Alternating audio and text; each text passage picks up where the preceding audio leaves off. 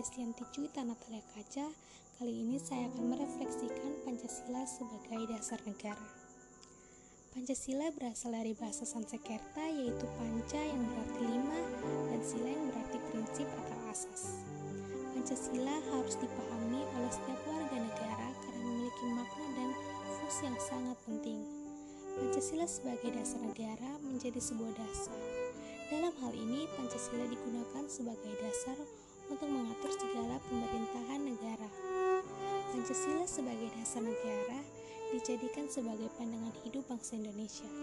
Dalam hal ini, Pancasila berperan sebagai petunjuk hidup sehari-hari.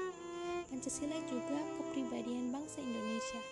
Ini diwujudkan dalam berbagai bentuk sikap atau mental ataupun tingkah laku atau perilaku yang sesuai dengan ciri khas masyarakat bangsa Indonesia yang membedakannya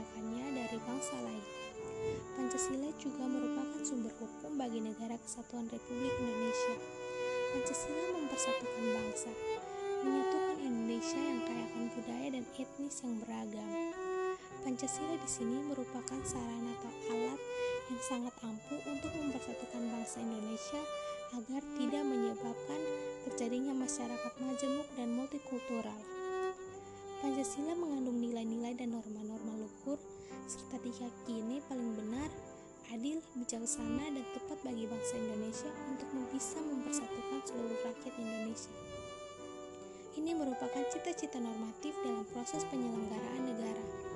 Dengan terwujudnya suatu kehidupan yang menjunjung tinggi ketuhanan, nilai kemanusiaan, kesadaran akan kesatuan, berkerakyatan, dan menjunjung tinggi nilai keadilan, termasuk keadilan sosial. Kita sebagai generasi muda harus bisa mengoperasionalkan Pancasila dalam berpikir, berucap, dan bertindak karena Pancasila sedang berada dalam persimpangan. Pancasila bisa saja terlupakan, sehingga kita harus menjadikan Pancasila sebagai pandangan hidup kita. Pancasila harusnya tidak hanya dipahami sebagai hafalan dari lima sila, Pancasila harus hadir dalam setiap nafas kehidupan. Harus ada sikap saling menghormati dan bekerja sama antar pemeluk agama serta penganut kepercayaan untuk mewujudkan sila pertama.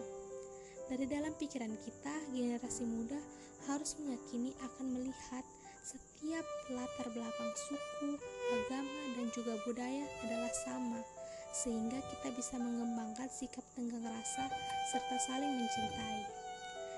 Untuk itu, maka cita-cita yang menjadikan kemanusiaan yang adil dan beradab bisa terwujud dalam kehidupan bernegara untuk menciptakan persatuan Indonesia. Kita harus rela berkorban untuk kepentingan bangsa dan negara.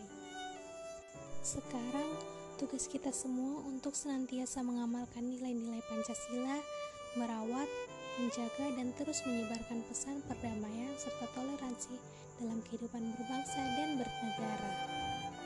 Baik, demikian refleksi saya. Terima kasih.